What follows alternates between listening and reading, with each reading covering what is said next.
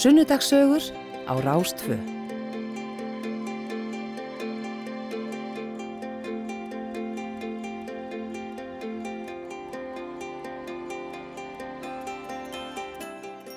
Já, velkomin í sunnudagssögur hér á Rástfö og við byrjum þáttin á að heyra þetta í Júniusi meivand með þetta gullfallega lag Ain't Gonna Let You Drown.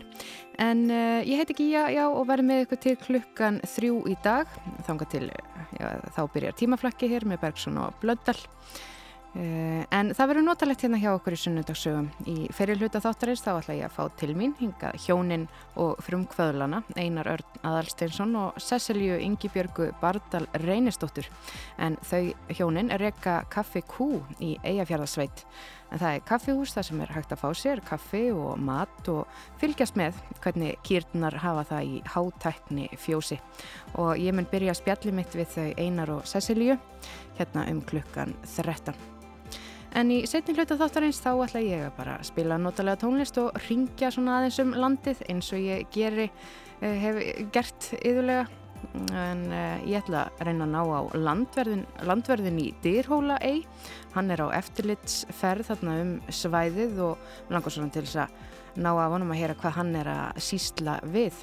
En síðan ætla ég að ringja í já, einna forsvarsmönnum ferðafélagsins Trölla. Hún er búsett á Ólasferði og uppliði mitt skjálta hrinuna sem að gekk yfir Norðurlandið í gær. Og já, það verður forvetnilegt að heyra hvernig hún uppliði þessa, þessa hluti. Og það verður sérst hér í setni hluta sunnundagssagna sem er á melli klukkan 2 og 3. En við skulum heyra hérna í uh, Gós með sitt Solar Samba.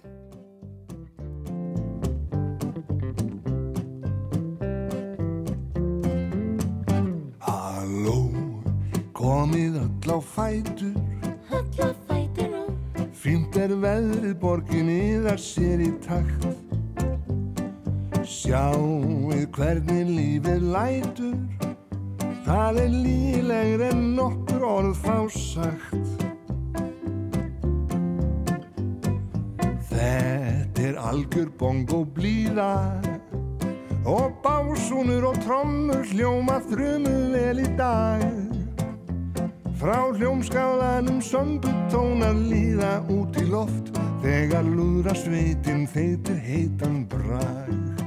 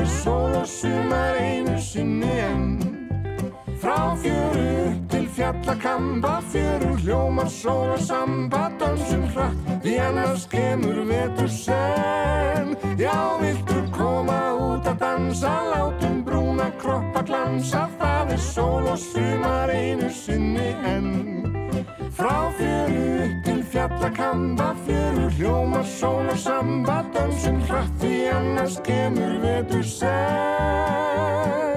Hey. Já, þetta er notalegt eh, hjá þeim eh, í Gós, Sólar Sambað og þá er nú bara um að gera kíkja aðeins til veðurs og það er nú svona hita, uh, hiti í kortunum, sé ég, en hér eru horf, horfurnar næsta sólarhingin fyrir allt landið. En það er víða austan 8 til 13 en 13 til 20 metrar á sekundu siðst á landinu. Bjart með köplum og hiti 14 til 21 stig en skíjað og heldur svalara austan til og dregur úr vindi og fyrir að regna í kvöld og nótt. Það er söðuleg átt 5 til 13 og regninga skúrir á morgun en lægir annað kvöld, heiti 10 til 18 stig og hlýjast norð austan til. Og hér eru aðtúasendir frá viðfrængi, það er austan kvassviðri undir eigafjöllum og í öræfum í dag gul viðvörun, þannig að hafið þið gætur á þið sem eruð á ferð þar. Og síðan er einnig verðt að kíkja aðeins inn á eh, síðu almanna varna en eh, út af þessari skjálta hrinu sem var á Norðurlandinu í gær þá er viðbúið að grjót hrun geti orðið við, já út af uh, þessum skjálta og fólki beðum að hafa varan á undir bröttum hlýðum, þannig að hafi það í huga þeir sem eru á ferð um landið uh, þar að hafa varan á. En við heyrum hér næsta lag áður en að við skellum okkur í spjall með þeim Einari og Cecily og Kaffi Q. Þetta er Múkisson og GTRN. Lægið Heim. Vita fugglar heimins hvert förir heitið? Ég hrópi skíinn mun ég rata En leiðin heim bein og greið Eða nýt ég um sérkvæð stein? Ég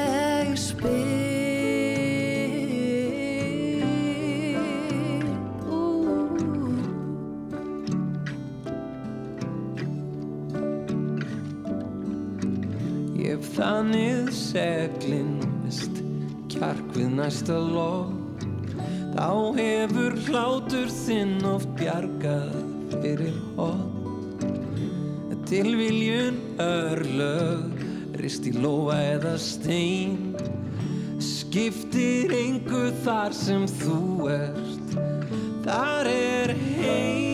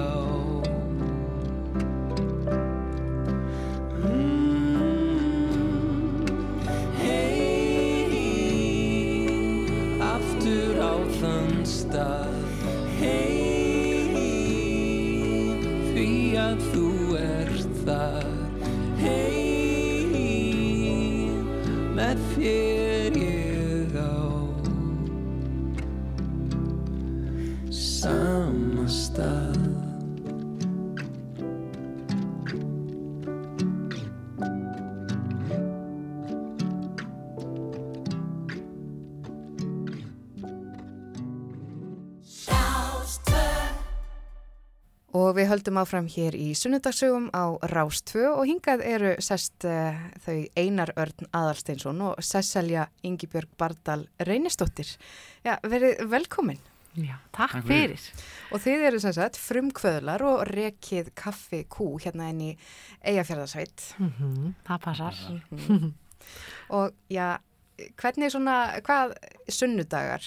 Eru þið með eitthvað svona, eitthvað, eh, eitthvað rútínu á sunnudum? Er, hvernig eru svona sunnudagar hjá ykkur?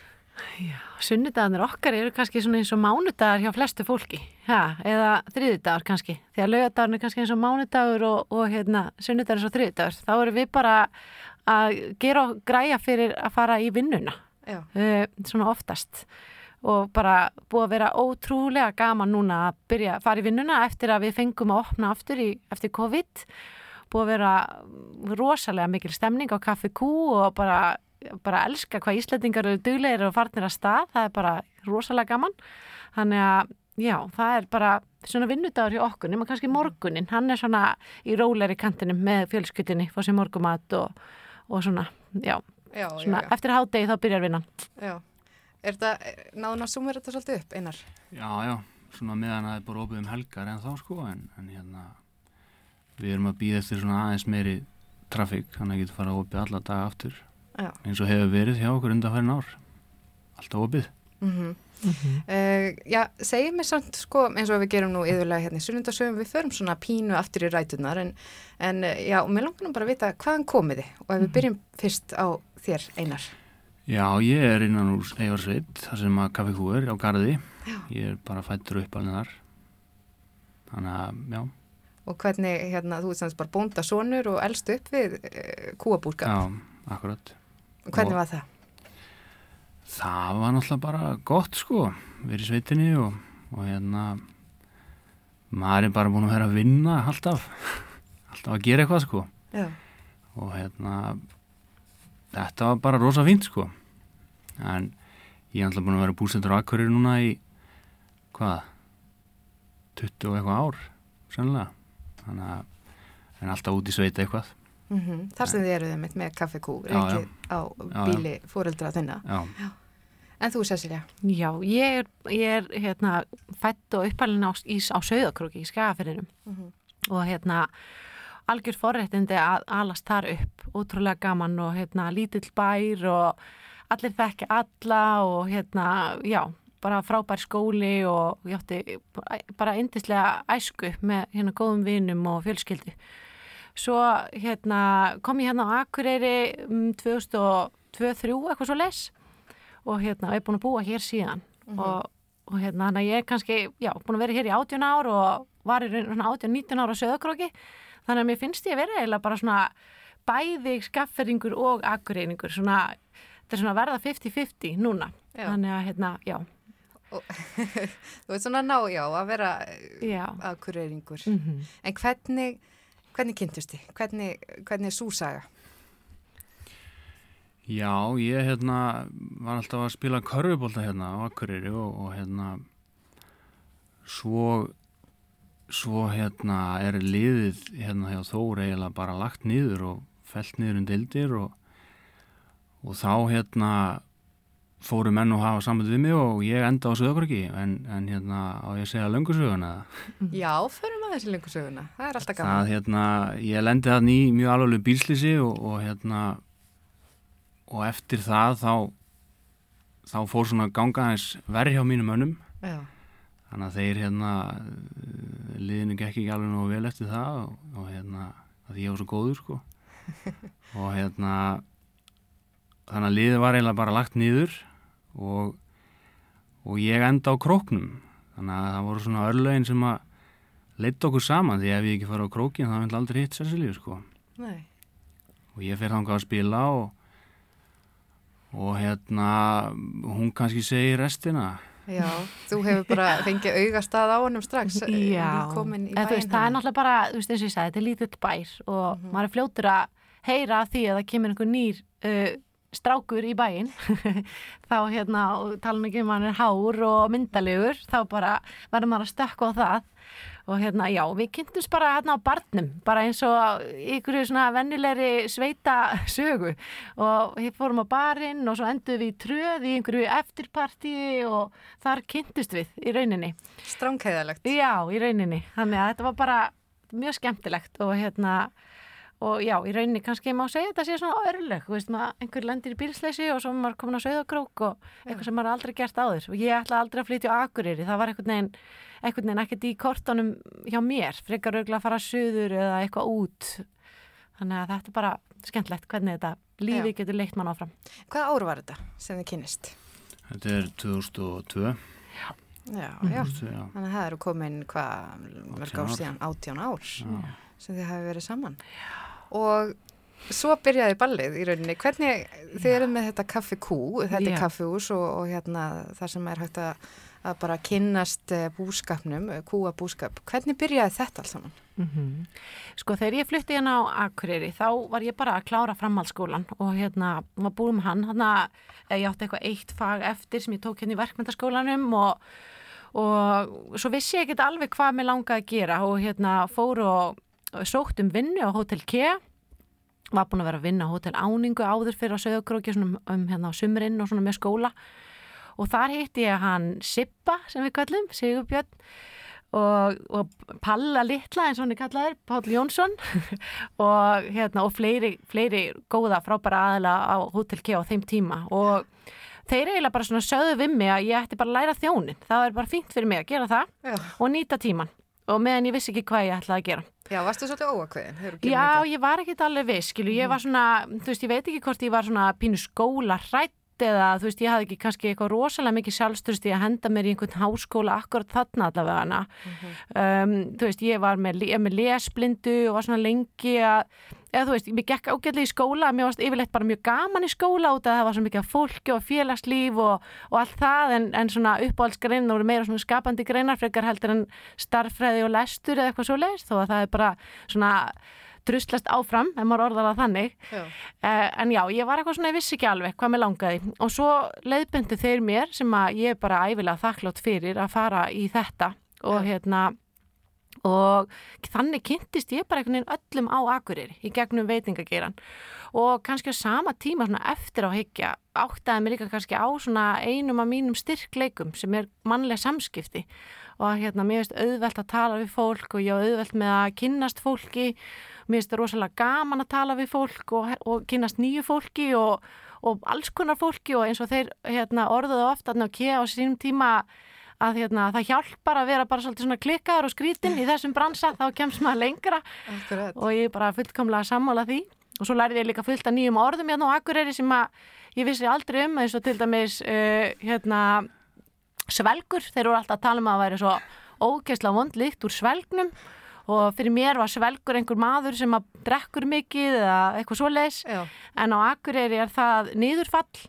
Já, og já. hérna þannig að já, svona, það var margt sem að gerðist á Hotel Kea. Og já, hana, það er alltaf gaman að rifja það upp. Svo varstu nú á fleiri stuðum. Já, svo fór ég auðvitað, já, já, já, svo fóru, svo hjælt bara lífið áfram í veitingageiranum og ég kynntist hérna fór, kynntist þér endar hepu því hún var að, hérna, þar sem að ástriki í dag og bryggjuna og, og hérna, átti svo póstúrsbarinn og sínum tími að bjóð það til. Uh, hún var að vinna með því að vera kennari sem, sem þjóttna á kvöldinu og um helgar og þannig kynntist ég henni og hún Já, fekk mér þannig svo að þú ert bara algjörlega inn í þessum veitinga geira og, og, og býtu skiljið það rétt að það er svolítið þú sem kemur og, og kemur með þetta svona veitinga element inn í Kaffi Kú eða Já. hvernig Já, byrjar Kaffi Kú? algjörlega, sko. það var náttúrulega pappi og bróðir hans eru bændir hann inn í garði og, og þeir byggja þetta fjós sem var á sín tíma stæðsta fjós bygging landsins og, og svo fyrsta sem var með alla þessa tækni það er allt sjálfvirt og þegar að það þegar þeir byrja að mjölka þarna þá fer fólk bara að koma þarna og vil sjá þetta og, og pappi var alltaf að ringi mig að fá mig til að taka mótið þessum hópum og hérna og þá var ég nú að læra viðskiptafræði á þeim tíma. Og já, og svo bara því að Cecilia var svona tengd eða þekktið allt saman þá svona einhvern veginn þorðum við að taka þetta aðeins lengra þessa Já. hugmynd það, voru, það, var, það var svo mikið hópum og erlenda ferðarskristur og koma þarna og við vorum ekki með neitt þarna sko nefnum bara að segja frá. Þannig að við svona reyndum að, að sáum það fyrir okkur að geta gert eitthvað aðeins meira og, og, hérna, og fengum í rauninni hugreikið í það út af því að Cecilia væri svona var náttúrulega bara fagmaður í, í þessu og hérna en við sáum aldrei fyrir okkur neitt veitingast að þannig laga sko. Og við byrjuðum hérna 2011 með Kaffi Kú og ég var með eitt starfsmann fyrsta sumarið og, og hérna bara allt mjög einfalt. Og svo bara hefur þetta þróast. Eitt starfsmæður, svo voru konið fjóri starfsmenn og, og alltaf alltaf mjög mikil á, á, ásókn, aðsókn miða við svona hvað við gátum höndlað. Já. og hérna það hefur eiginlega ekkert breyst sko, þetta er bara alltaf vex og vex Og er það mest eh, erlendi ferðarmenn sem koma eða er það Íslandingarnir? Hvernig er svona kunahópurinn ykkar? Já, Íslendingar, alltaf, alltaf verið Íslendingar okkar aðal kunnar sko. Já, já. og hérna en svo, svo er það þarna 2016 sem við, við hérna erum í rauninni bara komin á svona tíumpunkt að hugsa sko herri, við annarkvæmt bara hættu þessu og fyrir að gera eitthvað annað ekki það að gera eitthvað illa heldur bara þetta var bara orðið bara svo mikið Já. eða við gerum eitthvað í þessu og, og niðurstaðan var svo að við stækkuðum aðeins staðinn bættum við okkur eldhúsi sem við vorum ekki með og hérna förum að gera aðeins meiri mat og förum að hafa opið allt árið, allan daga Mhm. og þá byrjum við í rauninni fyrst þarna 2016 eftir semst þessi hérna fimm ár að reyna við erlenda ferðamannin og það bara gekk bara fínt, það var svona stígandi í því og, og vorum bara á fínu stað núna síðastliðin vetur þangar til að COVID kom sko, þá bara þá er bara eiginlega allt núlað út sko. Það er bara að byrja upp á nýtt Já. finnst manni sko. Já.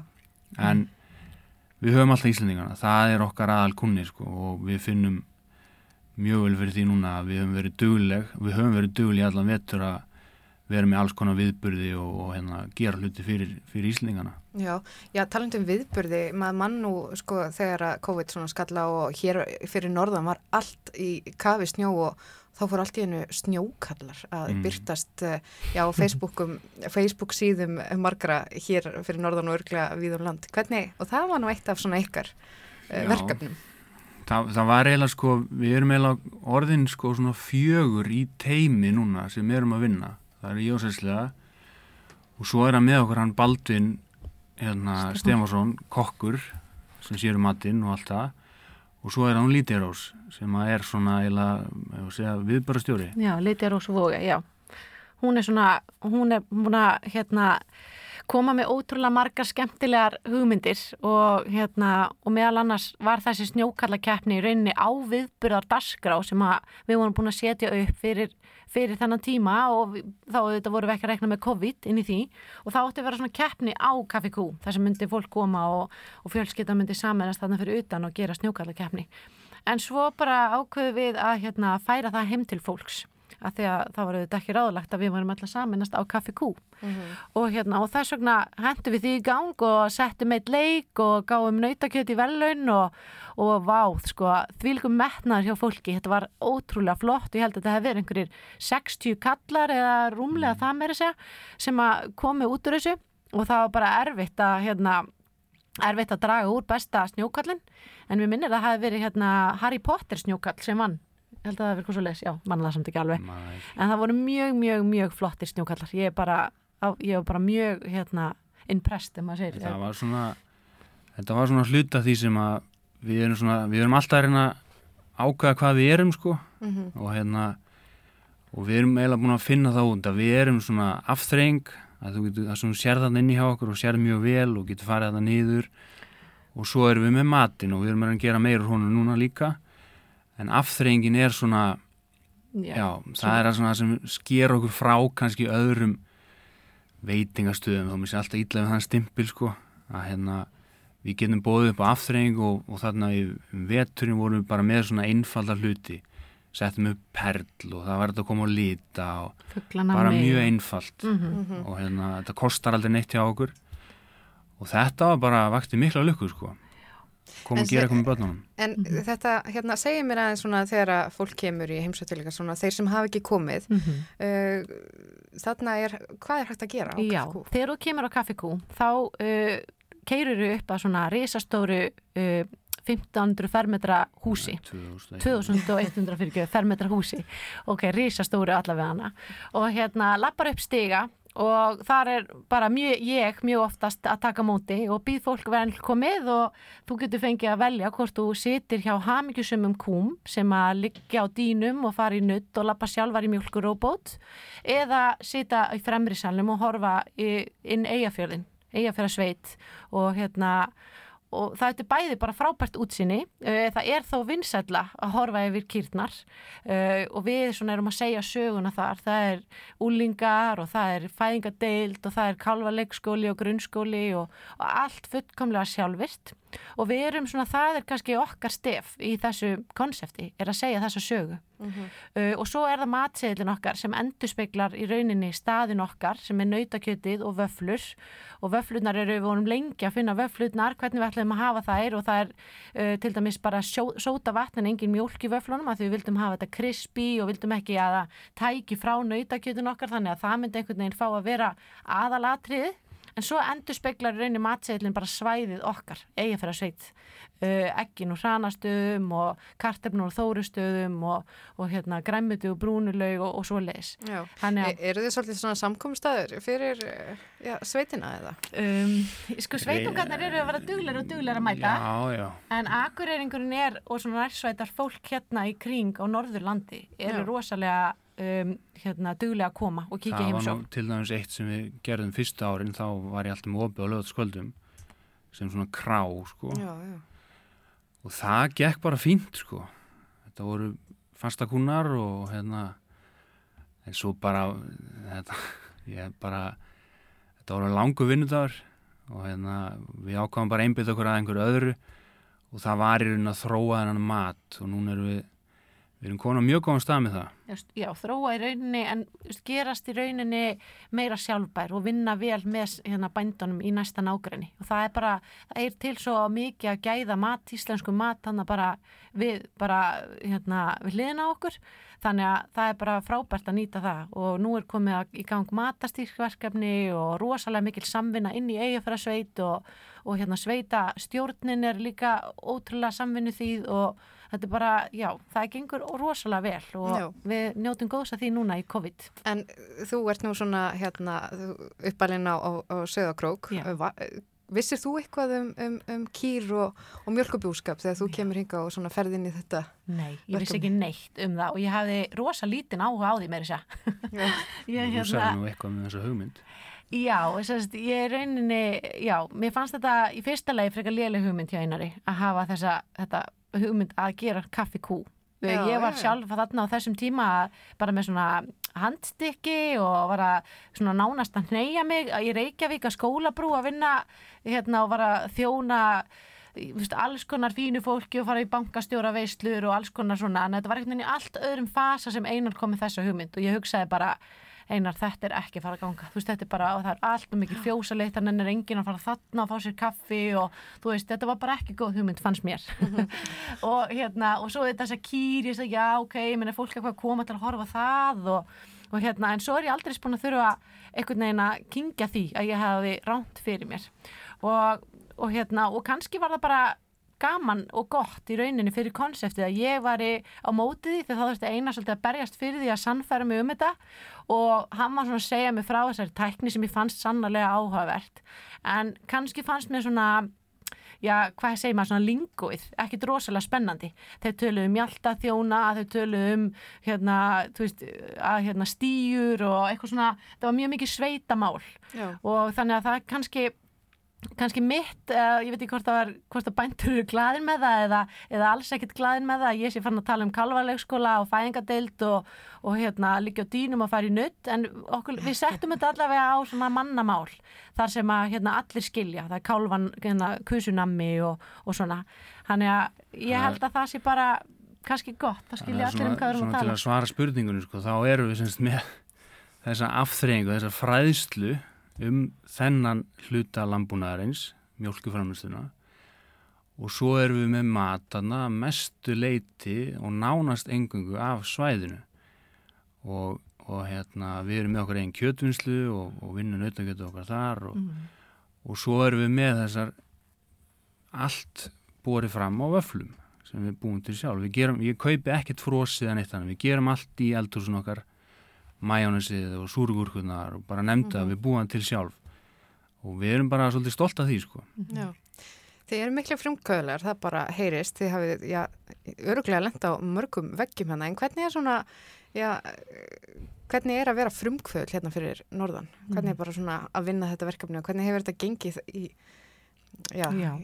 út frá því sko? Þetta er bara frábær spurning og hérna við náttúrulega, við vorum valin í Startup Tourism 2018 og í, á sama tíma var ég í MBA-námi í hérna Reykjavík eða Háskóli Íslands. Og, og hérna og þar voru við svolítið bara svona í miðjunu á öllu svona þessari frumköla stemningu þessum krafti. Um, vorum náttúrulega líka í, bara í líka í háskólanum og, og þetta var ótrúlega skemmtilegt, frábært tími og maður lærði ekkert smá mikið. Og við vorum, vorum, vorum rosalega þakklátt fyrir það að hafa verið valin í þetta startup. Um, og svo einhvern veginn þegar maður kom aftur tilbaka um, hingað, norður þá saknaði maður svo rosalega mikið að vera að, hérna, að hafa ekki, ekki fleiri sko. já, hafa ekki fleiri einhvern veginn frumkvöla hér og hafa ekki hennan, þetta samfélag sem maður getur sótt í. Og, og hérna, það er bara þannig þegar að koma margir frumkvöla saman þá, þá einhvern veginn gerist eitthvað ótrúlegt. Og já, og það er einni kom ný hugmynd út frá því að hérna að búa til ég og Svafa Ólastóttir sem er búin að vera líka að vinna mjög mikið í nýsköpun og finnst um frumkvæli heimi og var að vinna hjá Æslandik Start svo sínum tíma og er núna búin að búa til nýtt fyrirtæki. Við erum að fara hérna, að skella af stað hér uh, verkefni sem við kallum Norðan átt sem að snýst um þetta frumkvæla setur og búa til þessa stemningu hérna mm -hmm. út á landi og hún er líka Norðan þannig að okkur langa að búa til svona fyrirtæki sem væri bara ekta norrlænst og hérna ekki eitt en útibúið að sunna og, og hérna reyna að skapa þessa stemningu. Því að það er svo gaman að hérna, vera í, í þessu og það er svona það vantar smá hér út á landi að, hérna, en ég var reyndar það var reyndar Um, þetta er aðeins búin að lagast eftir COVID og það er svo margt gott búin að komast, uh, koma út af COVID og til dæmis bara það að öllu sé núna varpað eða hvað heitir maður, hvað er ekki varpað þetta heitir svona streymt, streymt nákvæmlega, mm -hmm. það er bara frábært, þú veist, maður er bara einhvern veginn ald, ég hef aldrei verið eins uh, hérna, bara svona upplýst eins og núna já, já. og það Great. er svo frábært fyrir okkur sem búum út á landi að geta fengið þessar upplýsingar og fengið að vera með í því sem er í gangi og og hérna ég vona að við höldum því áfram. Mm -hmm. Já, talandu um COVID þá hérna þið völdu lag uh, sem við ætlum að spila hérna eftir þessar auðlýsingar uh, þetta er nú svona bara COVID-lagið. Akkur völdu þið þetta? Sko, við náttúrulega hlustum á Helga Björns bara öll laugadagskvöld og áttum bara svona gæða stund fyrir framann hérna, fyrir framann imban og Ég bara, veist, ég, ég, sko, ef ég var alveg hinskinn þá hef ég aldrei verið eitthvað svona rosalega mikið Helga Björns fan. En, hérna, en alltaf svona fílaðan alveg einhverju leiti en núna er ég bara, ég elskan og við spilum bara Helga Björns eh, daginn út og daginn inn í hérna á Kaffi Q og stelpunar mínar eða okkar og hérna elska þetta lag líka. Þannig að við syngjum þetta allt bara syngjum hátt og skýrt í bílnum alltaf þegar þetta lag kemur. Þannig að já, við, við völdum þetta út af því Glæsilegt. Við komum hérna aftur eftir þetta og auðlýsingar.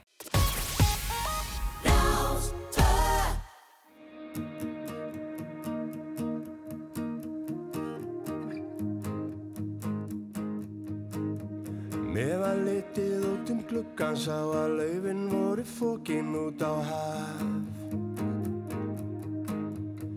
Læðirnar að tikka inn og færa okkur öll á bóla kaf Á lofti svifu fugglarnir mót frelsinu því ekkert hefti þá Ég fekk með meira kaffi, eldi upp á nýja skamt af eftir sjá. Við ætluðum að hittast næstu, auðvitað fannst hvergi stund í það. Einhvern veginn skorti bæði tilefni og réttan fundastað. Öllum þessum tekni og þetta tíma örðu minningar að bráð. Þær týndust ein og ein og voru hortnar þegar betur var að Það bera sér allir vel. Og dúti séð stormur og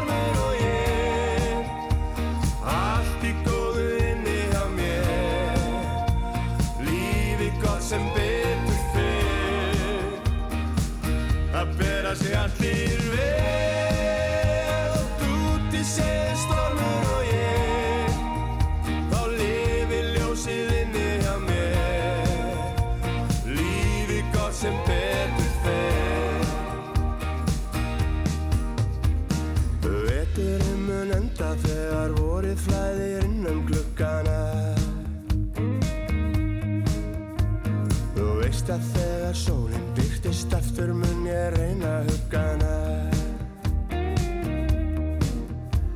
Og ef þú vilt ég fylg henni þá býð ég upp á kaffistund og stað.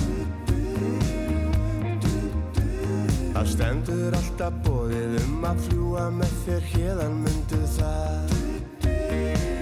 Það bera sig allir vel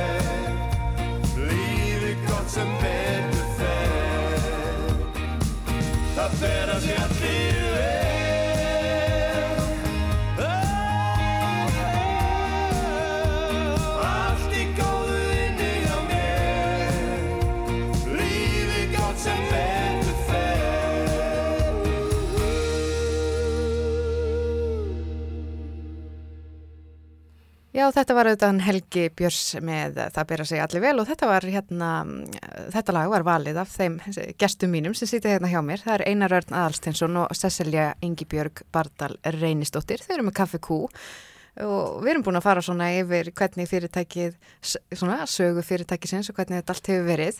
En eh, hvernig er svona verkaskiptingin ykkur á milli? Já, þetta hefur, þetta hefur þróa svolítið núna út í það hérna, að ég gerir svona eiginlega allt og Cecilia sér um að tala fyrir okkur. Það er mitt, og nákvæmlega. fer á fundina og svona Já, Nei, nei, nei, ég, hérna, ég hef svona meira verið að koma mér inn í eldhúsi með, með badda og, og hérna og það er bara rosa gaman sko og hef fengið mikið áhuga á því og hérna og Cecil er náttúrulega lærið þjóðn og hún sér þá um móttökuna og þjónustuna og, og þjálfar starfsfólkið og, og hérna og gerir það náttúrulega mjög vel já.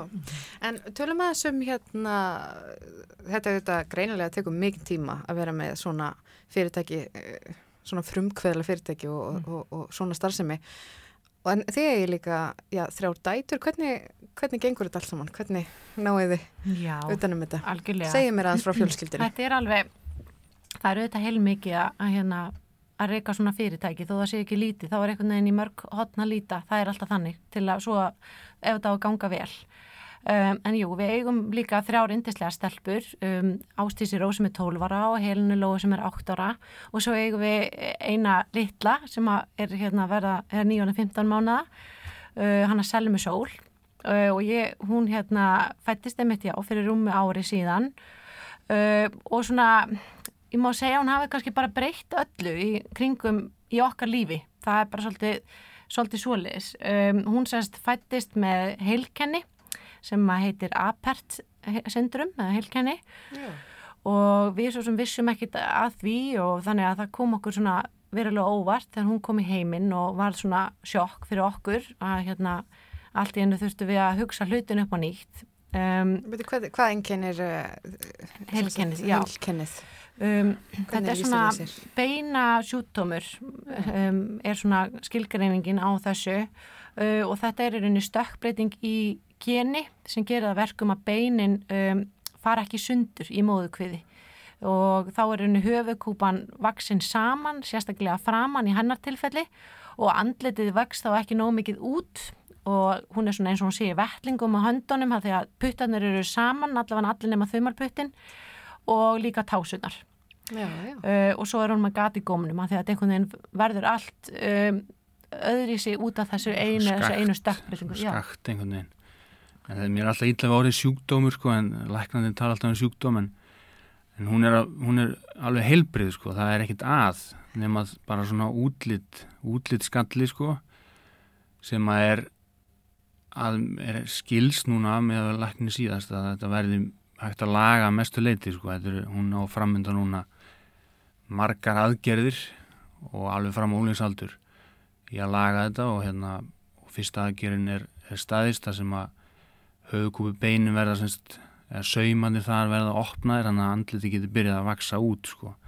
Og heilin hafi pláss og heilin hafi pláss til að stækka sko, en, en, hérna, en hún er á fullu heilbrið og, hérna, og hún hefur alveg svakalega persónuleika og, hérna, og, og hún grætur aldrei þó hún detti og hún er alveg ótrúlega öflug. Já, hún er algjör nagli og hún er líka algjör bara nagli sko.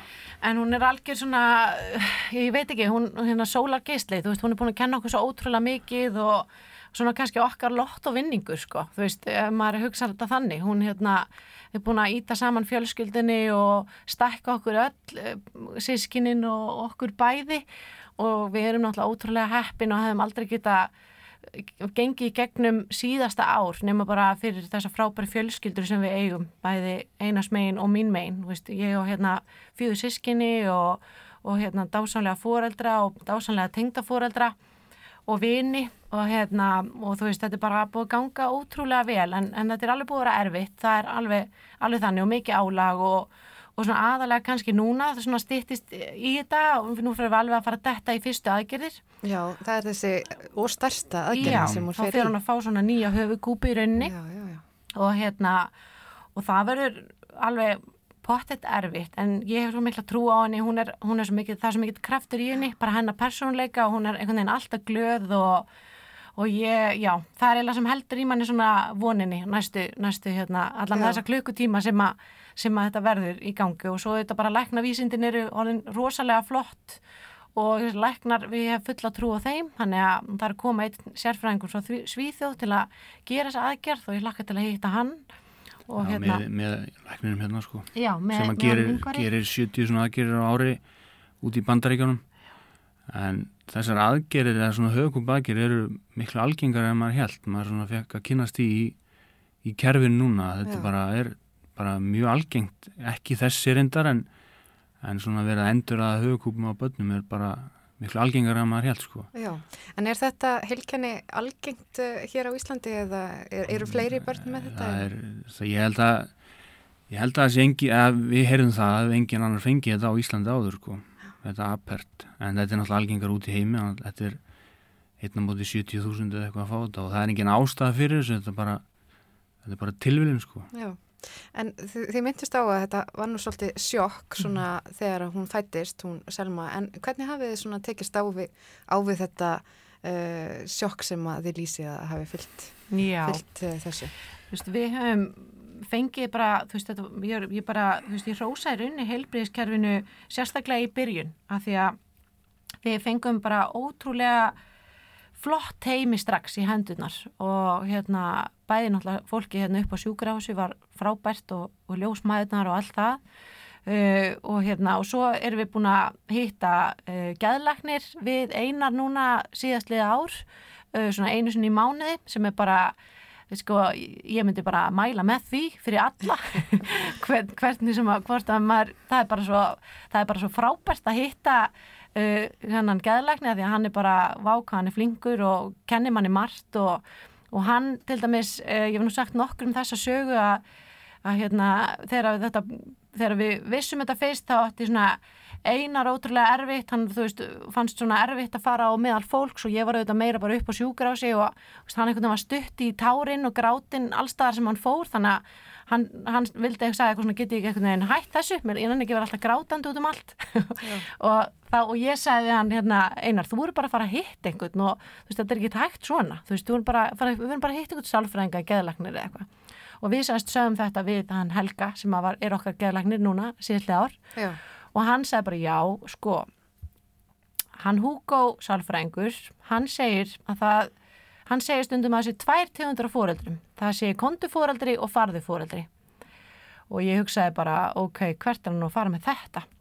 Og hérna hann sagði þú getur sagt við barnið farðu og bustaði tennunar og eða þú getur líka sagt kontu við skulum koma og busta tennunar mhm, og hann sagði það er alveg hægt að yfirfæra þetta á hjón. Þú getur sagt við mannin, farðu og talaði við einhvern og þú getur reynd að finna eitthvað út af því eða þið getur bara sagt kontu við skulum koma og spjalla saman já þetta, er, þetta er góð ráð og, og þetta er svona Hugo einmitt eh, var mikið, já, hvað var bókin sem hann gaf út, He- heilræði, Já, eða hollar á Hugos? akkurat, þetta var Já, eitthvað úr því sko. já. og þetta var frábær, frábær hérna, tilsögn hjá honum og allir, öll hjón geta nýtt þetta að stundum að því við erum mjög ólík við einar og, hérna, og stundum er auðvitað bara besti sálfræði tíminn er bara að spjalla saman þó að það sé kannski einhvern veginn það síðasta sem manni dettur í hug En hvað segir þú Einar? Hvernig, hvernig upplýðið þú þetta?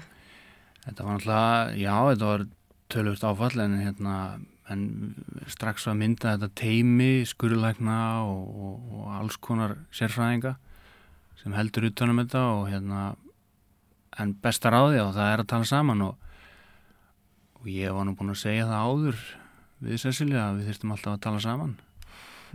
Og það var bara sannað þarna. Við tölum bara mjög vel saman og mjög mikið og allt og mikið um vinnur reyndar en, en, hérna, en já, við tjáum okkur bara mjög vel sko. Og það er bara líkilatri segja. Og nú er þessi stóra aðgerð framöndan, þarf hún að fara í margar eh, aðgerðir? eh, Hvernig, hvernig svona, Já, hún fekk alveg fullt af verkefnum einhvern veginn í þessu lífi og ég hugast þegar það er talað um núna og við verðum í þessu svona næstu 12 árin. Já, um, og byrjum á þessari stóra aðgerð, svo fer hún að fá, verður hún tekin hérna puttarni sundur að annari hendinni og lokaði gómurinn og svo verður tekin hinn hendin og, og kannski tærnar svona ef að, ef að einhver tíman og svo verður andlitirunni ítt fram þegar það er orðið tilbúið til þess þegar það er nú þroska til þess að það verður hægt að gera það. Þannig að við erum eftir að fara í, í alls konar verkefni saman og það verður pottitt áskorun og hérna, en ég held að það snúist fyrst og fremst um það að við náum að, að byggja upp gott sjálfströst hjá henni og hjá okkur til þess að bara einhvern veginn að komast í gegnum lífið og það er svo sem bara eins og allir að reyna að gera alla daga, þú veist, er að reyna að fronta lífið og vera sjálfsörgur og, og já, ég held að Já. við séum bara svona að reyna að díla við það núna. svo eigið þetta hinnar eldri stelpunar Ástísi og Helenu og Já. þær þurfa þetta svona, já, sína aðtegli og sitt rými líka. Hvernig er að samna þetta alls saman? Jú, Já, það er bara, það er bara örugglega eins og hjá öllum, öllum fórundrim, sko. Við erum bara núna, uh, síðustu helgi vorum við að ræða um símanótkun og, hérna, veist, og tölfur og eitthvað svona og auðvitað er þetta bara, veist, þetta er bara, það er, það er mörg járn úti og það er auðvitað að teku tíma að, hérna, að halda öllu þessu gangandi en eins og ég sagði, við eigum ótrúlega góða að og, og, hérna, og nýtum og erum bara duglega að hérna, hittast og, og hérna, nýta tíman sem að við eigum. Og þetta auðvitað er snýst lífið um fjölskyldina og svona nánasta fólkimanns en það er hafa, það er hafa náttúrulega bara el, eða, þroskast bara hann um mörg ári í einu sko. Við, við svona og, og hérna maður sér það alveg augljóslega að, að hérna, það er hafa þroskast mikið en þetta tekur á vissulega. En ég er, maður er eiginlega komin yfir það sko hún, hún er bara heilbritt batn og það er ekkit að ég segi það alltaf, það er ekkit að sko. Og hérna maður bara lítur björtum ögum á framtíðina sko. Mhm. með því eins og við erum að gera hlutina. Algjörlega, hún bara, þú veist, að því karakterin er svo skemmtilegur og hún er bara svo glöð og, og bara búin að kenna okkur svo mikið þannig að ég, þú veist, ég bara segja aftur við erum bara heppin að Já. fengja hana til okkar Já, þetta er, þetta er greinilega mikið verkefni en, en, en, en eins og þið talið um að Mhm. tala saman greinilega skiptir öllu máli. mm -hmm. En mér langar aðeins að að ræða við ykkur bara um, um hvað þið ætlið svona að gera í sumar. Hvernig verður að vinna bara, þú fljótur að svara þessu einar, það er bara að vinna og vinna. Gerið þið ekkert annað en að það er bara Já. kaffikú. S- Já, sko sumar er náttúrulega stutt sko Já, og hérna við náttúrulega erum í þessum ferðageira og hérna og svona síðustu ár hefur það verið alveg fram í november það sísón, það tímabil en ég er svolítið hrættur um að það verði búið mun fyrr núna það vantar útlendingana Já. og hérna við förum bara í frí hérna í lók ágúst já, og hvað gerir þið í fríum? Skoðið kúabú annars Já, staðar á landinu eða hvernig jú, auðvitað verðum við alveg að vinna eitthvað í sumar, það er alveg klárt, en við ætlum líka að fara á ættamót og við ætlum að fara í einhver fótboltamót með, með stelpurnar og, og hérna bara svona hérna nýta einhverja helgar í það. Um, en svo eru við auðvitað bara líka svolítið að hérna, ég hef verið að vinna í þessum tveim auka verkefnum sem að bæði norðanátt og svo erum við með verkefnum mjólkurböð hérna á heilsulind í Eyjafærasveit. Já, byttu nú Og- við. já. Mjólkur böð. Það er í Hvernig virkar það? Já, við, það er svona eh, lokaverkefni mitt sem ég vann í MBA-náminu mínu núna síðastlega ár, eða, já, síðasta vor. kom í rauninni í startupinu fyrst sko Já, að því hérna Kaffi Kú var bara búin ákveðni stærð Já. og við, við sáum það að við áttum alveg næsta skref inni eða næst og að því að þetta er í ferðarþjónustu þá vorum við að horfa á gístingu að fara í eitthvað í þá áttina en svo kviknaði þessu hugmynd með mjólkina og nýta þessar hlutin sem við erum með nú þegar sko og það var mjólkin og, og metangasið sem er svona já, ég var að segja hver komið þessu hugmynd eða? Já, það er endilega. Já, svona, þetta var svona símtal seint að lögataskvöldi já, frá, með bara í rauninni fjölskyldinni minni, þú veist, það er hérna máminni bakari á söðakróki Já, og hérna, þannig að hann er vinnu mikið með smjör og fór eitthvað að tala um það og hendurnar væri mjúkar og svo er bróðum minn líka á króknum og er svona viðskipta þengjandi já. og hann að þetta einhvern veginn spratt upp frá þeirru, því símtali og sem hjælt svo bara áfram og við erum einhvern veginn búin að íta, íta áfram og fá fullt að styrkjum fyrir og Mjólkuböður eru við að til sko. Við erum allan heim. Mjög hann- vinsal í Asju til dæmis. En þessu uh, svona fræginu var sá þegar að frændiðin bakarinn já, ringdi og sagði, máminn, sagði hvað hann væri með mjúkar hendur Já. út af öllu smjörinu. Já. Það er sniðið. Hann væri nú að fá okkur prósentur hann ef, já, ef já, þetta já, hann, verður. hann far allan að frýtt kannski það, erum þetta, er, er vinsælt út um allan heim, þetta Já, er alveg stundar. og í Asju alveg risastórt og Já, þar já. fer þar allavega heyrði ég frá einum að, að, að það er farið í þau til að fá hvíta húð Já, ymmit. ég er ekki vissum að það virki reyndar en, en, hérna, en, en það var ástæðan allavega þar sko og, og bara það er að fara í disko mjölkuböð og það er að fara í alls konar mjölkuböð sko, þar úti Og hversu langt eru þið komið með þessu hugmynd?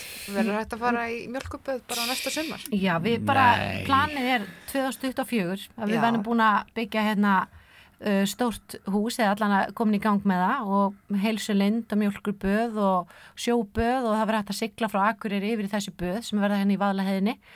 Uh, núna er Farmatika í Greinivík byrja að þróa þessa húðvörulínu með okkur og við erum bara svona að fara að detta í einhverja frumgerðar fasa og Já. pröfa áfram og láta fólk pröfa hvað virkar best. að vera að teikna húsið og Já.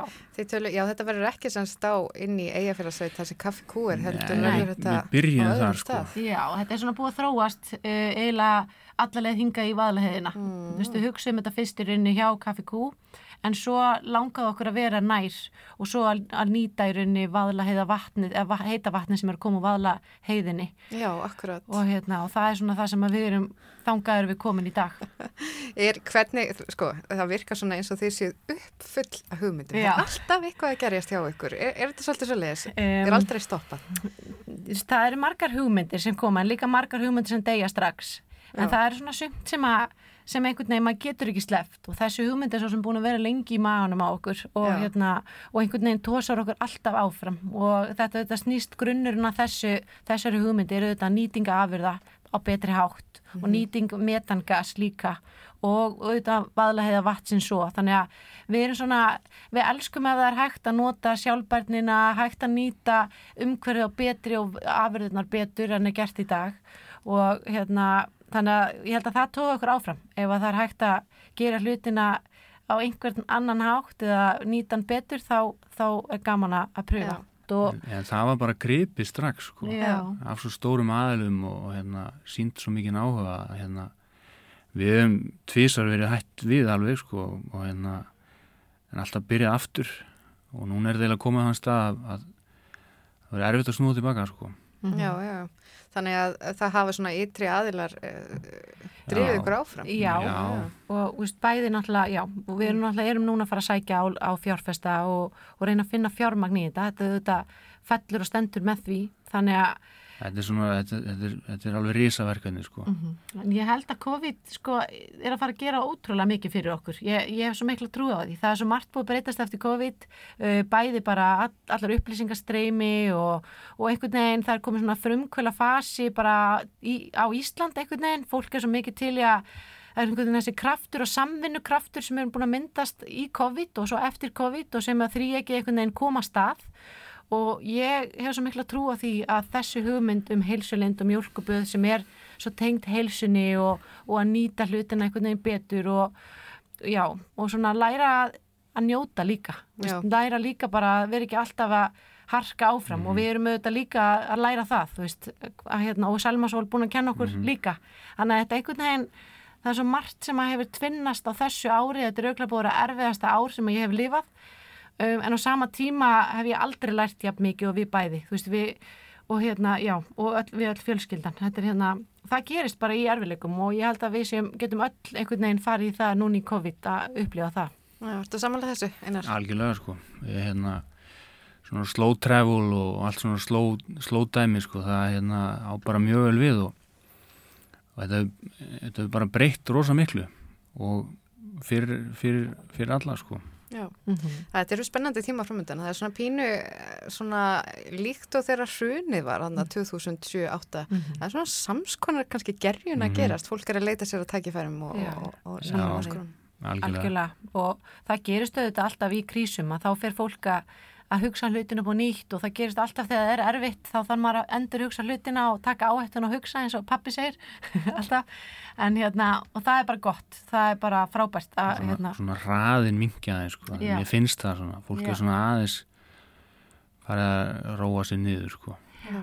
þó að sé mikið af frumkvæla hugmyndum í gangi að það er svona, er svona meiri ró einhvern veginn í fólki finnst mér fólk sem er að koma til okkar til dæmis Já, já, Íslendingarnir eru einhvern veginn, það er ótrúlega gaman að taka móti Íslendingur núna, þeir eru, svo, þeir eru líka í þessum samvinnu hug að, að þeim finnst svo gaman að sjá að það er nóg að gera og, hérna, og það sé mikið í gangi og, og hérna, þannig að já, það er svona, Íslendingun hefur stundum verið erfiður viðskiptavinnur og, en núna er hann einhvern veginn ekkit svona tilætluna samur og hann er bara tilbúin í að býða eins og hver annar og þetta er bara, erum, það er rosalega gaman að vera að taka móti fólk er að býða sko í byggstofunni sem er inn í fjósinu inn í fjósinu hjá kálfunum alveg upp í klukkutíma stundum eftir borði Já, já, það er bara býðið niðri já, og bara allir þólimóðir og, Já, og, já. og góðir. já, Ég er reyndar að knúsa kalvan og meðan og svona, Já. já, já sjá kýrnar og aðeins. allt það, sko, Já. hérna, Já, þetta er ótrúlegt og gaman að svona sjá hvað mikið af hugmyndum já, verður að veruleika hjá okkur og það er allt að, í gerjun. Já. Uh, takk fyrir komin að hinga í Sunnudagssögur Einar Örn Aðalsteinsson og Cecilia Ingibjörg Bardal Reynisdóttir og gangi ykkur allt í hæginn. Já, takk, Takk fyrir. sem er leiðis, kærlega.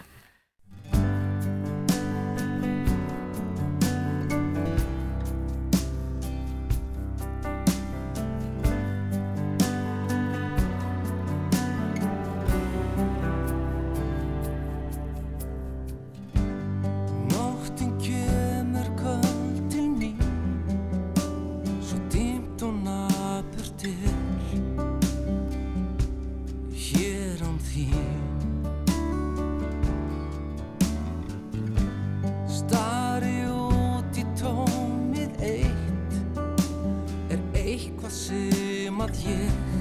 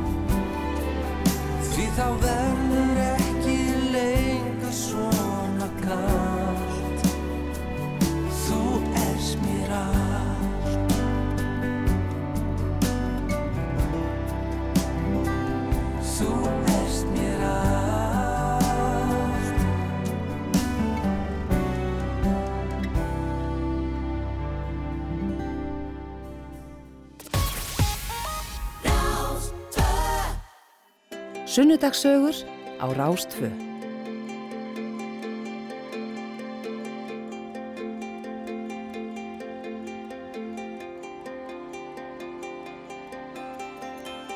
Já, þeir eru að hlusta sunnundasögurnar hér á Rás 2 og uh, lægi sem við heyrðum hérna áðan var með Látónsbarkanum, Arnari Frey Gunnarsinni, lægið Þú ert mér allt. En uh, þau voru hérna í spjalli, þau Einar Örn Aðalsteinsson og Cecilia Bardal sem að reyka veitinga á kaffehúsið Kaffi Kú í Eyjafjörðar sveit. Það var fróðlegt að heyra í þeim og ja, hvernig það er að vera frumkvöðull og svona sérstaklega hvernig er að standa að frumkvöðla starfsemi á landsbyðinni. En það líður að uh, tvö fréttum og við hér í sundarsögum munum halda áfram að þeim loknum og þá ætla ég að bara spila notalega tónlist fyrir ykkur og ringja aðeins um landið og ég mun meðal annars ringja í landverðinni í Dýrhólei og uh, einnig einna forsvarsmönnum ferðarfélagsins Trölla sem að býra á Ólasferði og ætlar meðal annars að segja okkur frá upplifin sinni af skjáltarum í gerð.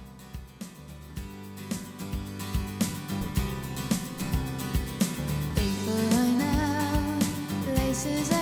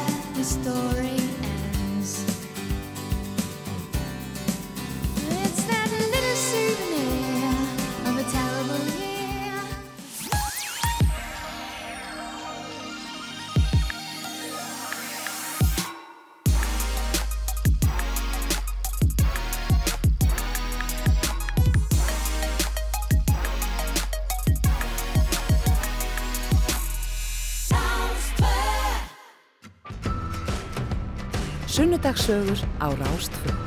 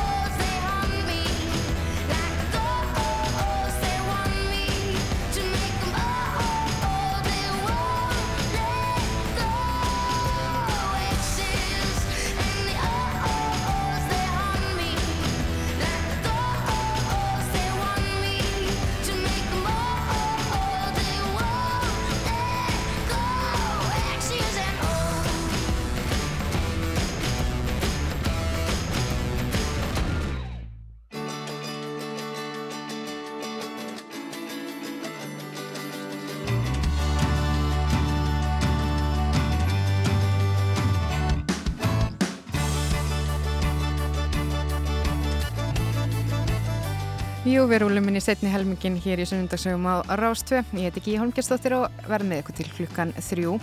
En hér í setni hluta þáttarins þá ætla ég að ringja um landið og tekka svona aðeins á hvað fólk er að bardúsa. Og ég mun eh, já, reyna ná af landverðinum í Dyrhóla ei, honum Davíð Erni Rúnasinni. Nú ekki alveg vist að ég ná á hann, hann sagðist vera mögulega utan þjónustusvæðis en, en, en við bara krossum fingur.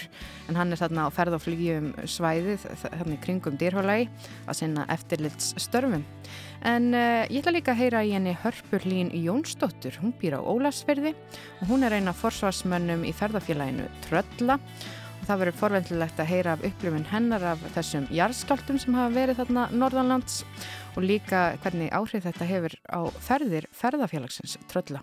En það voru skipulaðar margar ferðir en, en, en núna er einmitt fólki bent á að, að hafa varan á þegar það er á ferð á þessu svæði. En við skulum heyra hérna smá tónlist áður en við ringjum á Ólafsjörð. Hér eru Rolling Stones og Living in a Ghost Town.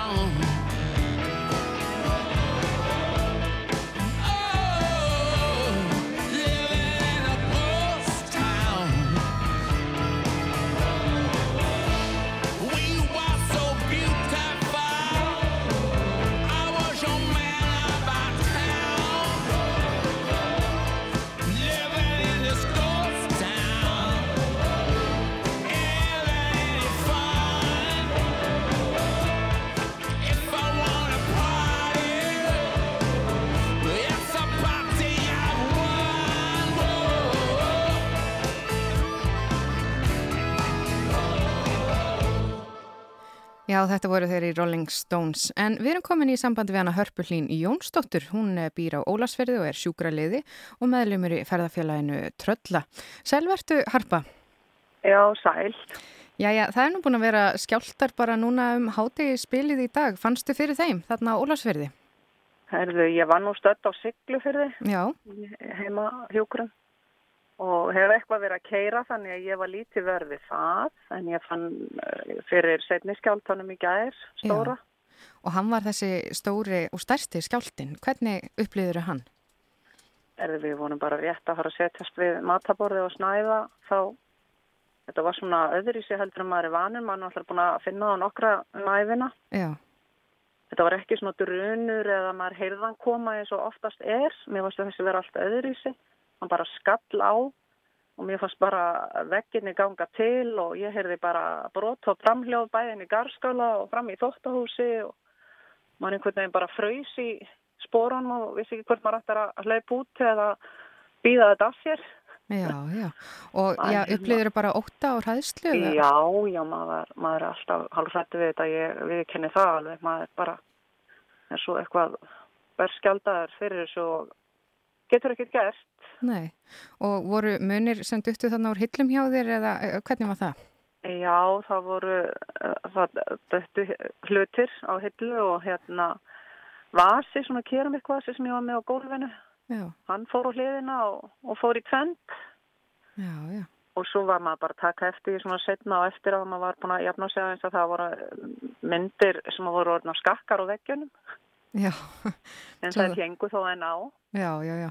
En hvernig er svona hljóðið í bæjarbúðum þarna og bara á svæðinu? Þú segist það hafi verið bæði á Siglufyrði og svo ertu búsett á Ólasfyrði. Já, ég er að hérna í heimahjúkrun og er að sinna eldrum og Mm. bara þessar heimsóknir í morgun þá þurfti fólk reynilega að tala um þetta Já, og fannst þetta að vera óhugnalegt og, og stórt og mikið og, og er bara alls ekki velvita hvað sem ertu ungur eða gamall.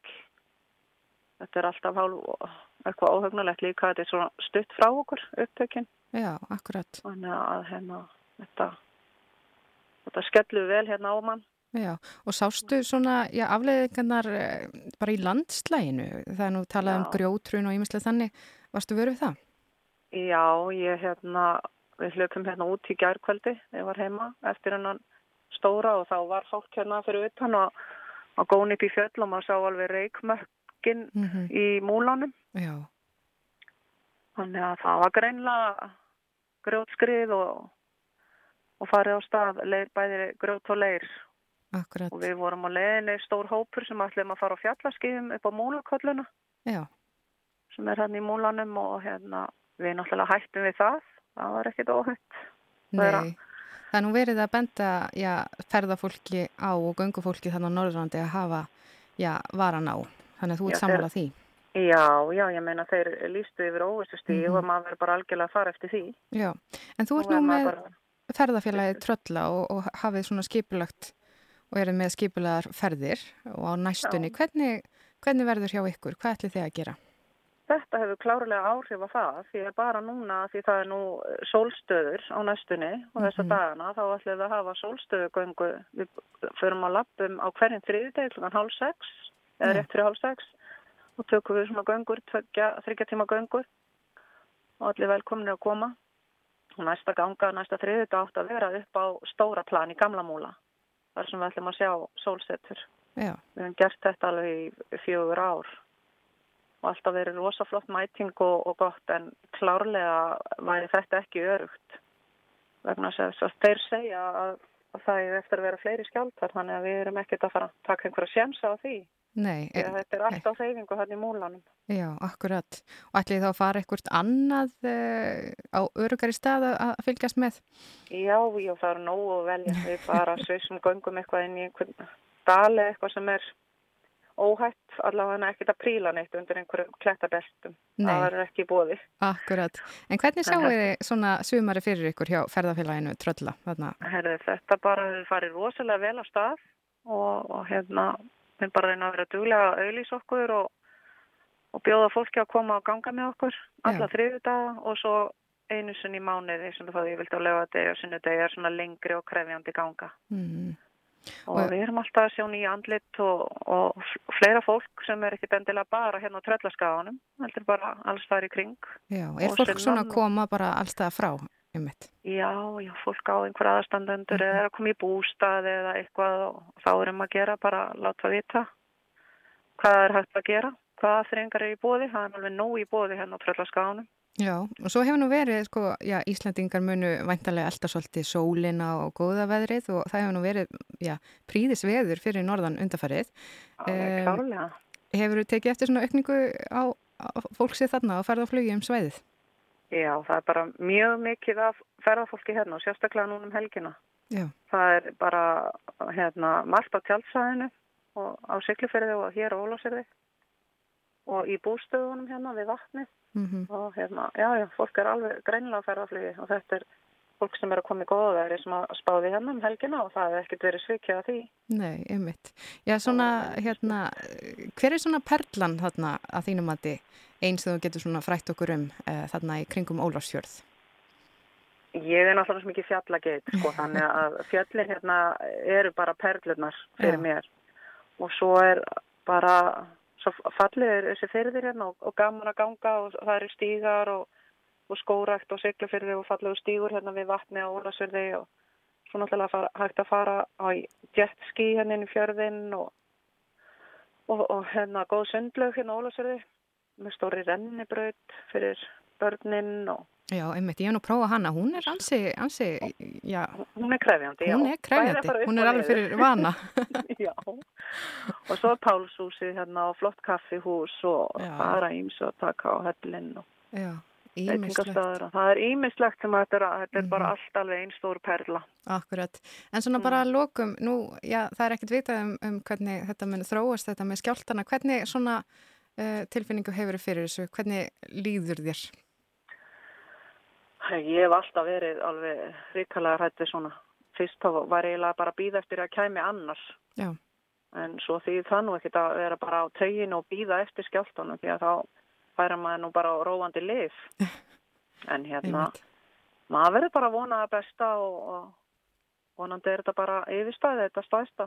Já, við vonum það. Og hvetjum við þetta bara alla til þess að fara vallega sem að eru þarna á þessu svæði og í grend við já, þessar háu fjöll. Já, ekkert að vera fjallaskíðast neitt í, mæna þetta gengur yfir. Akkurat. Eða lappa. Takk fyrir þetta spjall Harpa Hlín Jónsdóttir á Ólafsverðu og gangi ykkur vel. Já, takk fyrir það. Sunnudagssögur til klukkan þrjú í dag. hanging round downtown by myself, and I had so much time to sit and think about myself, and then there she was, like double cherry pie. Yet there she was, like disco superfly. I smell sex and candy here. Who's that lounging chair? Who's that casting devious stares in my direction? Mama, this surely is a dream. Yeah. Yeah, mama, this surely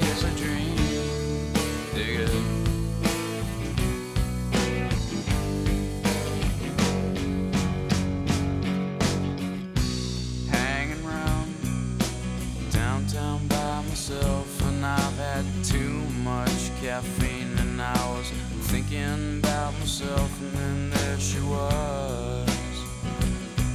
In platform double suede, yeah, there she was. Like disco lemonade. I smell sex and candy here. Who's that lounging in my chair?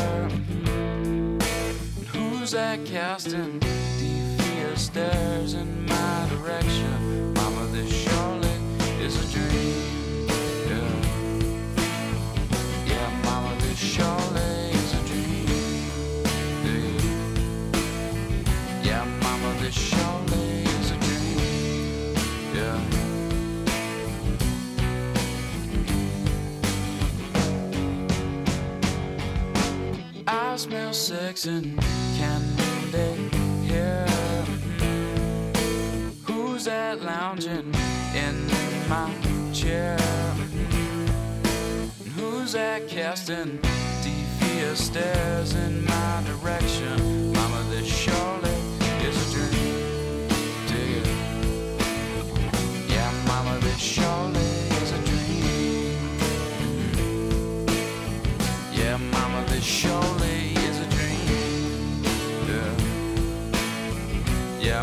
this must be my dream.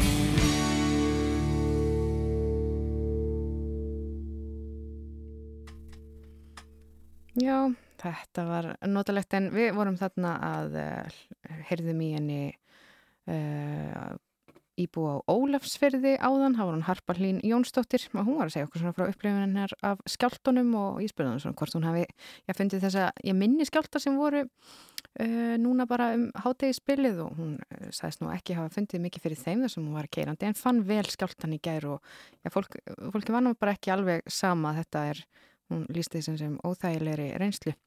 Og það er verðt að minnast á uh, að já, sérfræðingur á sviði skriðufalla og hættumats hjá viðstofu Íslands segir að þau viti af, að það sé mikið að ferða fólki og göngu hópum á tröllaskaga og uh, hafa áhyggjur af þessu göngu fólki og bara byðla til ferða fólks að nota almenna skinnsemi, velja góðar leiðir og forðast að vera undir brekkum sem eru já, þekktar skriðu hlýðar. Og í stórum skjáltum þá er algengast að það rinni úr bröttum hlýðum, sjávarhömrum og eigum. Og það er bara um að gera að, að vera á Varbergi. En við skulum heyra hérna mm, næsta lag sem er Coldplay, Speed of Sound.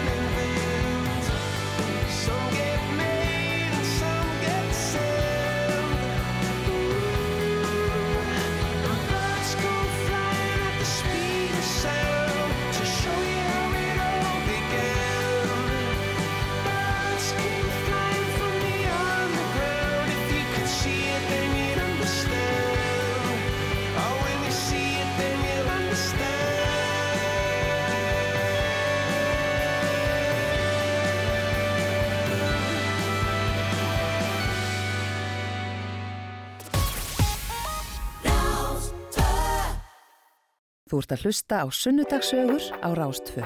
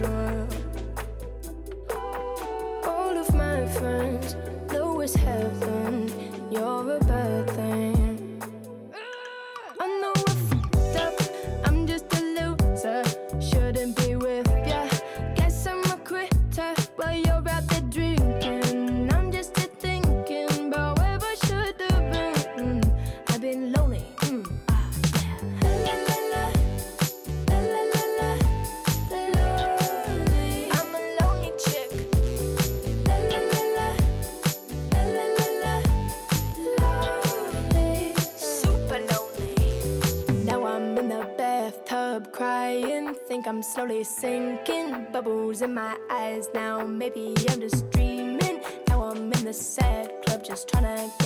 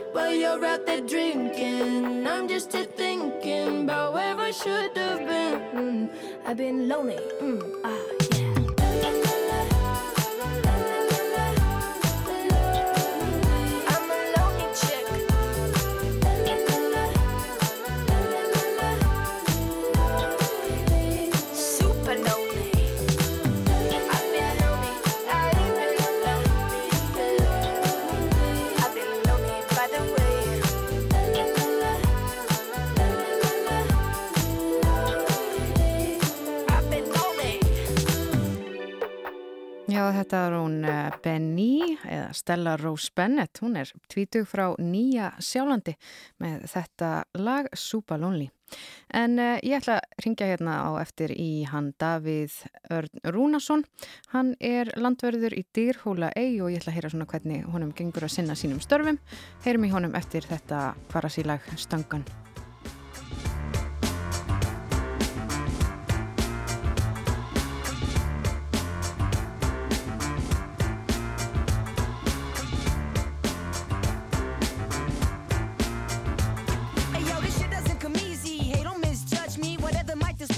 still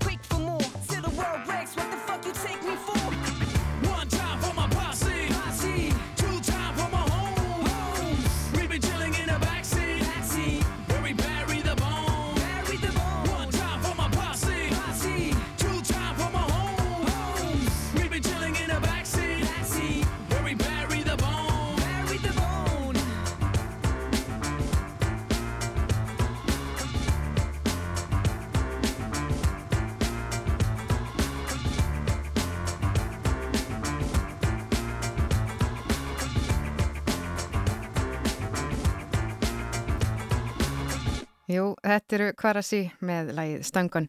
En við erum komin í samband við landvörðin í Dýrhóla ei, það er hann Davíð Arnar Rúnarsson.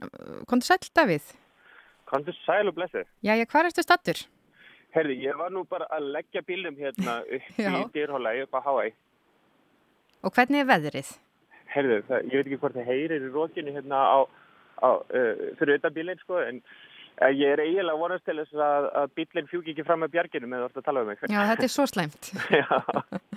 Einmitt, það er nú búið að vara við hvassviðri þarna á svæðinu og, og, og þú segir að það heyrist í rókinu, sko, þú ert inn í bíl. Já, Já, já, já, já. Og hvað svona, já, hvert er hlutverk landvarðarins þegar svona eh, ástand geysar?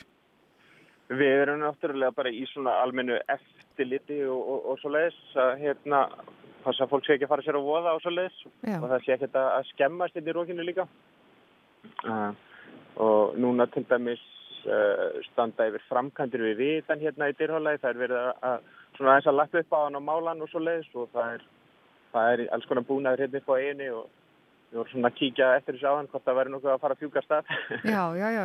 það er allt í góðu Er það verið að gera við hann eh, sagt ljósabúnaðin eða, eða gera við bygginguna sjálfa? bygginguna sjálfa, Mhm. steipuskemdir og, og, og mála og svo leiðis Já, já, já. Vitin þarna, hvernig er hann á litin? Hann er hvítur á litin með svona appelsingulu ljóshúsi á topnum. Já, freka klassískur, er það ekki? Hann, já, hann er nú eitt fallegasti lit, Já. vitin á landinu held ég. Sko.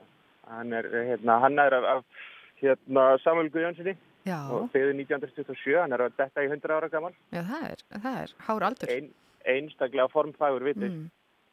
Og hvernig er svona að sinna vit, nei, hérna, vitavörslu, landvörslu þarna í dýrhólagi? Það er svona næstu því að sama. Já, Já, það er, hérna, það er mjög skemmtilegt. Það er, er, þetta er náttúrulega eitt fallegasta svæði á landinu. mm. Þetta er alveg, alveg ótrúlega fallegt svæði, mikið að náttúruperlum hérna og það er, náttúrulega eigin sjálf og það er mikið fugglalíf og, og, og önnur svæði hérna í kring sem að við sinnum líka eins og skóarfoss. já.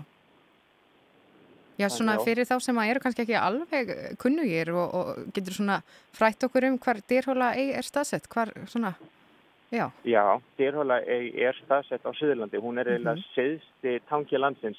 Já. Það er hérna tóin svo kallað svona garkletturinn sem að margir þekkja, sem að stendur sunnalórinni. Það er, er siðsti punktu landsins. mm Og hún er hérna bara örstutt frá örstutt vestan við Víki Myrdal. já. Og þarna eru þetta mikilvægt að hafa vita fyrir skip sem eru að sigla þarna fram hjá tanni. Já, sjálfsögðum, Já. sjálfsögðum það. En, var- uh, já, sinnir ykkur í vitavörslu líka?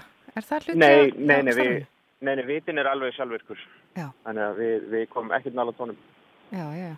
En eru margir á ferð núna í þessu roki sem þarna er í dag? Ég getum ekki sagt það, það er frekar rólegt hjá okkur í dag. Það er svona nokkri túristar á ferðinni. Já. Það ég held að Íslendingarnir hafi meira ákveðið að vera heima, svo þeir fara bara að ferðalega næstu helgi. En, en svo eru hérna ferðamenn sem hafa kannski bara nokkra daga og þeir reyna að halda sínu plani í svona fráttur í veðrið.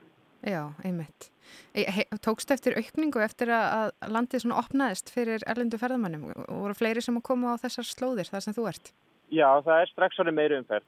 Það er strax svona meiri umferð. Það er hérna, það var mjög rólegt hérna sérstaklega á virkundögum um, meðan að landið var svona mestu lokað en núna er, er farnir að sjá spílalegu bílar aftur og, og, og svona kamperabílar og einstakar rútur með þessi líka. Já, já, já. Og eru margir í sagt, hópum í þessum rútum? Nei, yfirleitt er þetta bara svona tveir eða þrýr á bíllegu bíl Mm og svo hitti ég hérna á, á rútu við Skógafoss í gær og hún var með eitt farþega. Já. svona lítur rúta. Þannig að þetta er ekki stórir hópar sem er að fara núna. Nei, og sérðu að fólk sé með grímur og e, e, sérðu ykkur svona þannig e, breytingu? Nei, fólk verðist vera bara mjög afslappað. Já. Það er engar, engar grímur en eitt svo leiðis en, en hérna, við skulum samt vona að fólk sé bara að fara að valega. Já, já, öruglega. En Já. e, hvað hefur þú verið landverður lengi þarna á, á, í dýrhólaði? Ég er nú, skal ég segja, ekki, ekki, ekki búin að vera mjög lengi hérna og ég er svona bara á og til um helgar. Já, er já, já. Afleysingar landverður. Einmitt. Og hvernig verður maður landverður og akkur varst þú landverður? Heyrðu, það er, það þurfa allir sem ætla að verða landverður þurfa að fara á landvarðan námskeið sem Mhm. eru við um umhverfistofnunar. Það þarf semst að hafa, hafa ákveðin réttindi þar sem að er, er kend uh, hérna, að- fara vel um uh, landið og, og svona ímislegt sem títengist og, og til dæmis um, um stígagerð og, og svona hvernig að laga skemmdir og, og þannig. Já. Og ég er náttúrulega bara mikið, hef alltaf verið mikið náttúrubarni, líður best út í náttúrunni, þannig að þetta er alveg fullkomið fyrir mig. Já, já, já. það er Ertu- bara, Ertu af þessu svæði eða, eða hvaðan kemur þau? ég er frá Reykjavík, Já, já. að, já, en þetta, dyrhóli hefur lengi verið einn af mínum uppáhaldstöðum á landinu. Já, Þetta er alveg ótrúlega fallegt svæði. já. Og hvað gerir þú svona fyrir utan það að vera í landverslu, svona aðstóðar, aðstóðar landverslu þarna? það er, svo er ég ljósmyndari líka Já, og ég já. er svo líka að vinna í ferðarþjónustu, þannig að það er svona ímislegt í hverfinni. Já, já, já. Og hvað er svona skemmtilegast að taka myndir af? eh, Ég er mest bara í náttúru og landslagsljósmyndun eins og svo margir aðrir. Þannig að þú ferðast víða um landið. ferðast víða, já, og finnst fátt skemmtilega heldur en að ferðast um landið. Já. Ertu með eitthvað ferðaplön fyrir sumarið? Já, maður verður auðvitað að reyna að nota þennan tíma og ferðast innanlands, það er það sem maður- á að gera. Mhm. Og ég er með alls konar plön, við sjáum svo hvað verður úr því, maður eins og margir reynur að, að ferðast aðeins eftir veðrinu og svo leiðis. Já, En ég ætla að reyna að labba bæði fimmur og háls og lögavir í sumar, já, já. nýta tækifærið með að það er minni trafík þar og geta verið í kyrðinni. Akkurat. Þið finnur verður fyrir svona meiri, meiri kerð uh, núna. Já, já, já, það er það. Já. Og eru kannski ferðamenn rólegri bara?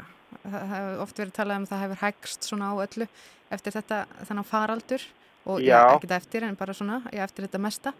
Uh, Já, fyrir ég, ég held það sko, mér finnst fólk til dæmis sem er að koma hérna núna sem ég hef verið að spjalla við, það er almennt mjög rólegt og, og, og því finnst bara frábært að, geta notið landsins svona aðeins í kyrð og, og svo leiðis. Já, Þannig að, að, fólk er svona, já, að flýta sér of mikið. einmitt. Já, það er, það, er gott, það er gott að huga því að flýta sér ekkert of mikið, bara njóta.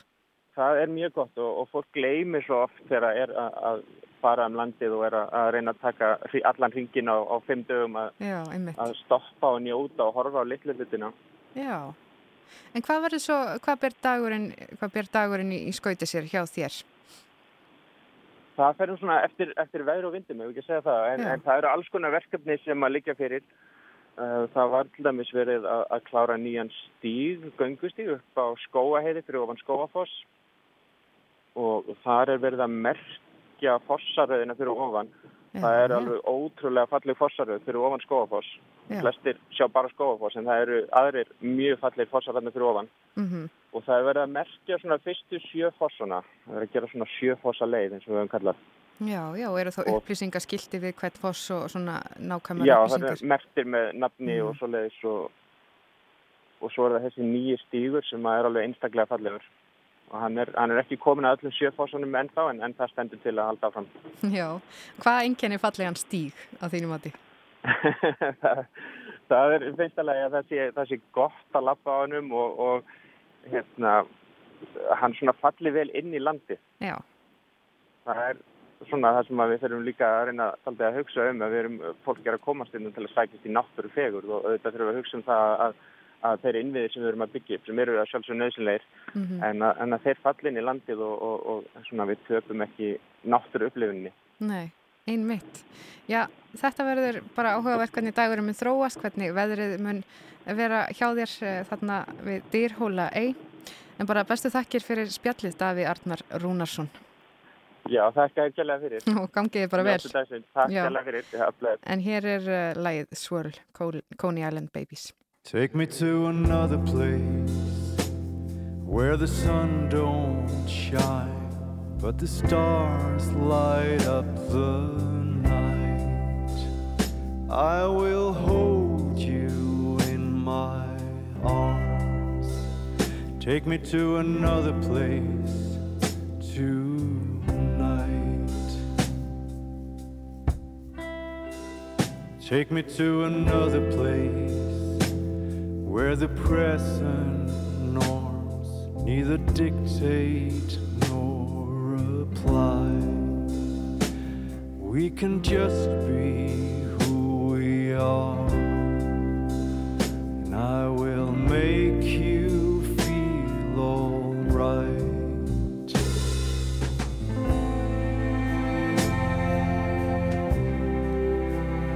Take me to another place.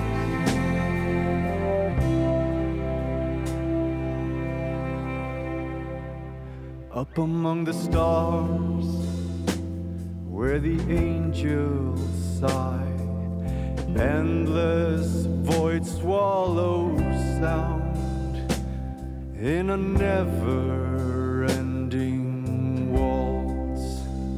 You and I can swirl around up among the stars like satellites. That fragile world. We can choose an orbit we like, an eternal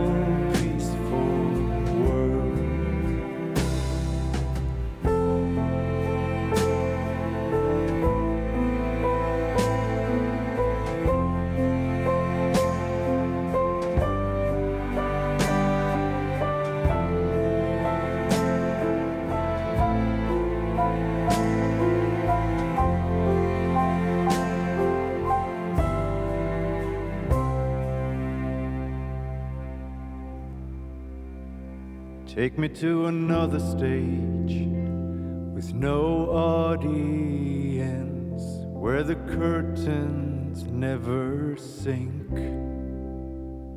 We can act as lovers there,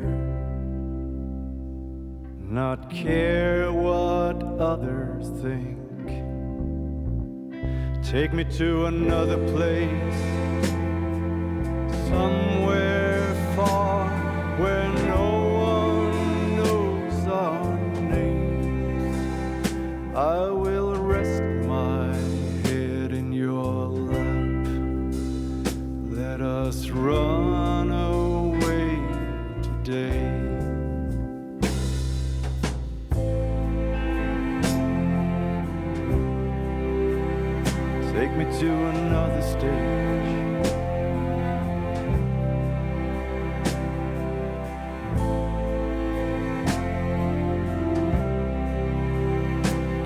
to another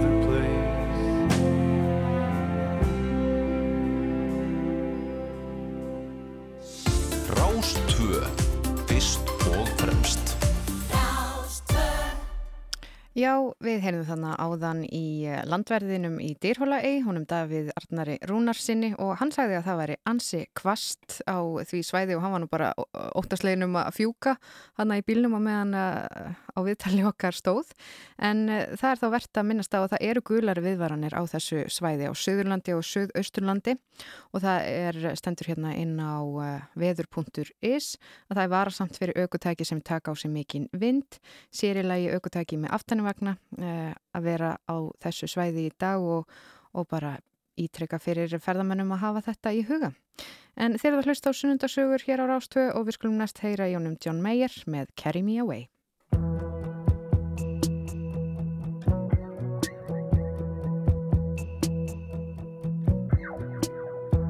I'm such a bore, I'm such a bummer.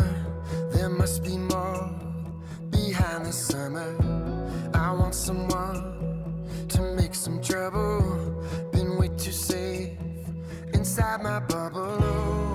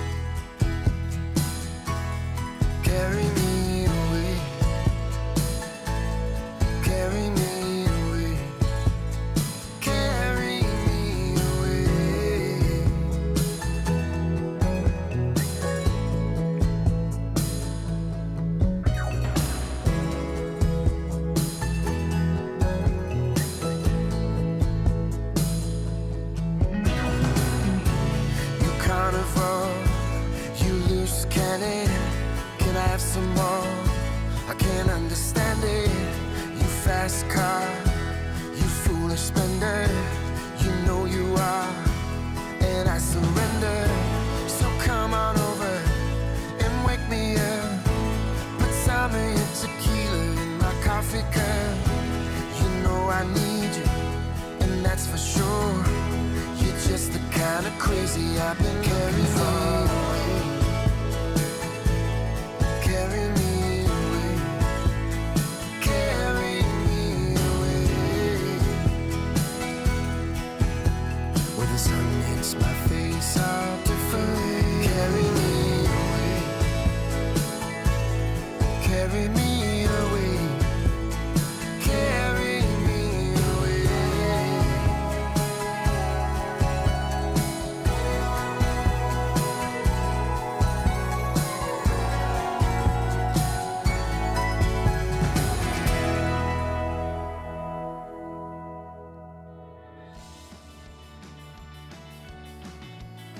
Já, þetta var hann John Mayer. En það er komið að lokum í sunnundasögum hér hjá okkur í dag á Rás 2 Við erum búin að fara já, nokkuð víða, við byrjum þáttin á að uh, spjalla við þau frumkvöðlana Einar Örn Aðalsteinsson og Cecilju Ingibjörgu Bardal Reynistóttur sem að reka kaffi kú í Eyjafjörðarsveit og já, þau sem mistu af spjalli mínu við þau geta auðvitað nálgast það inn á spilara uh, rúf En í setni hluta þáttarins þá ringdi ég meðal annars í hanna Hörpurlín Jónsdóttur.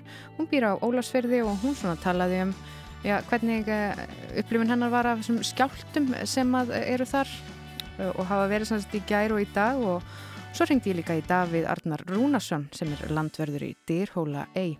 Það er mikið rók þar hann var hrættur um að bara fjúka á meðan að ég talaði við hann og já, það er, uh, við byggjum bara fólk um að hafa varan á sem eru á þessum svæðum. Já, fyrir norðan þá eru þetta hægt á grjótrunni og ímsu og þarna á sunn, sunnan og suðausturlandinu er bara hægt á að, já, það er mikið hvassviðri. En uh, nú ætla ég bara að segja bless, ég heiti Gíða Holgerstóttir, takk fyrir í dag. Verði sæl.